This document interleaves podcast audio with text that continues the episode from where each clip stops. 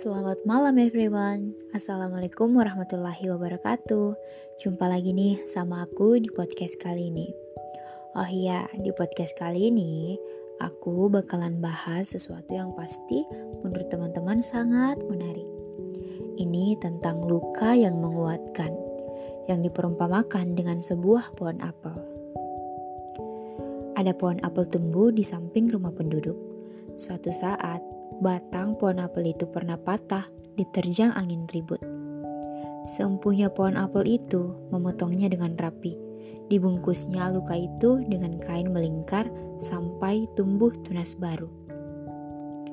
Bekas luka potongannya itu memang masih ada, tapi kiranya sakit tak lagi ia rasakan.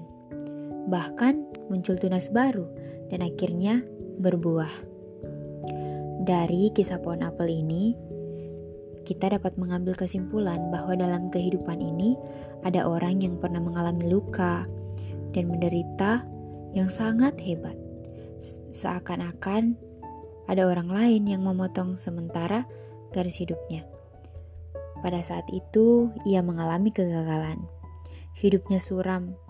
Seandainya ia mampu mengolah pengalaman pahit itu, ia akan sembuh. Bahkan berbuah seperti pohon apel yang ada di cerita di atas tadi. Jadi, untuk teman-teman yang pernah merasakan sakit hati yang paling dalam dan menurut teman-teman itu adalah sakit hati yang paling sakit yang pernah teman-teman dapatkan, percayalah suatu saat nanti teman-teman akan mendapatkan seseorang yang bisa mengubah sakit itu menjadi sebuah kebahagiaan yang paling sempurna dalam hidup teman-teman. Jadi, jangan sakit hati lama-lama ya. Percayalah, kalian akan bahagia pada waktu yang tepat. Sampai di sini dulu ya podcast malam hari ini. Selamat malam teman-teman semua. Semoga kalian mimpi indah malam ini. Assalamualaikum warahmatullahi wabarakatuh.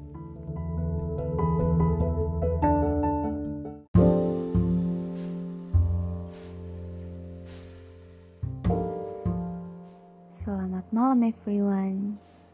Assalamualaikum warahmatullahi wabarakatuh. Jumpa lagi nih sama aku di podcast malam hari ini.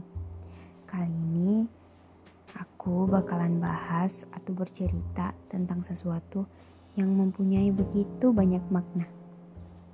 Tidak ada perbuatan baik yang tidak dihargai.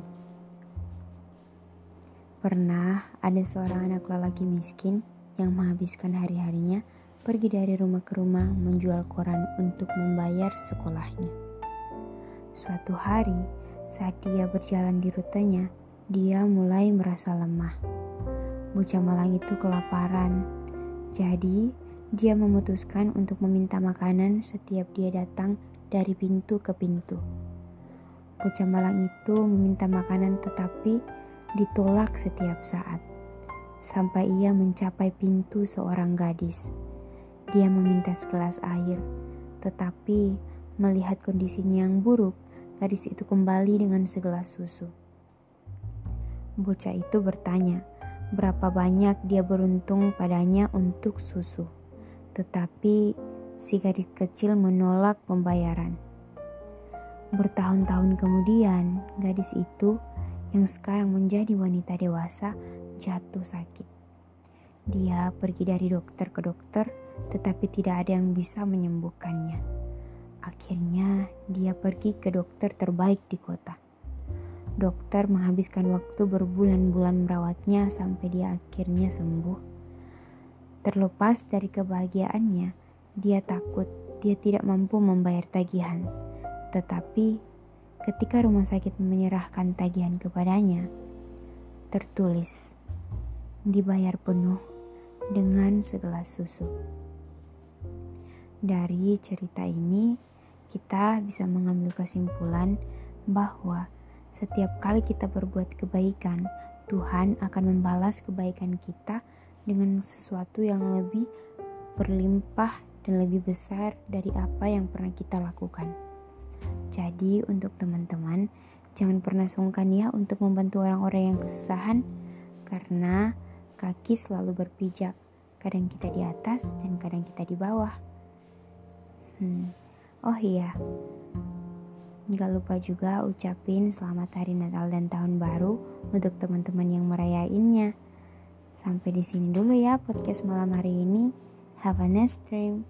Assalamualaikum warahmatullahi wabarakatuh.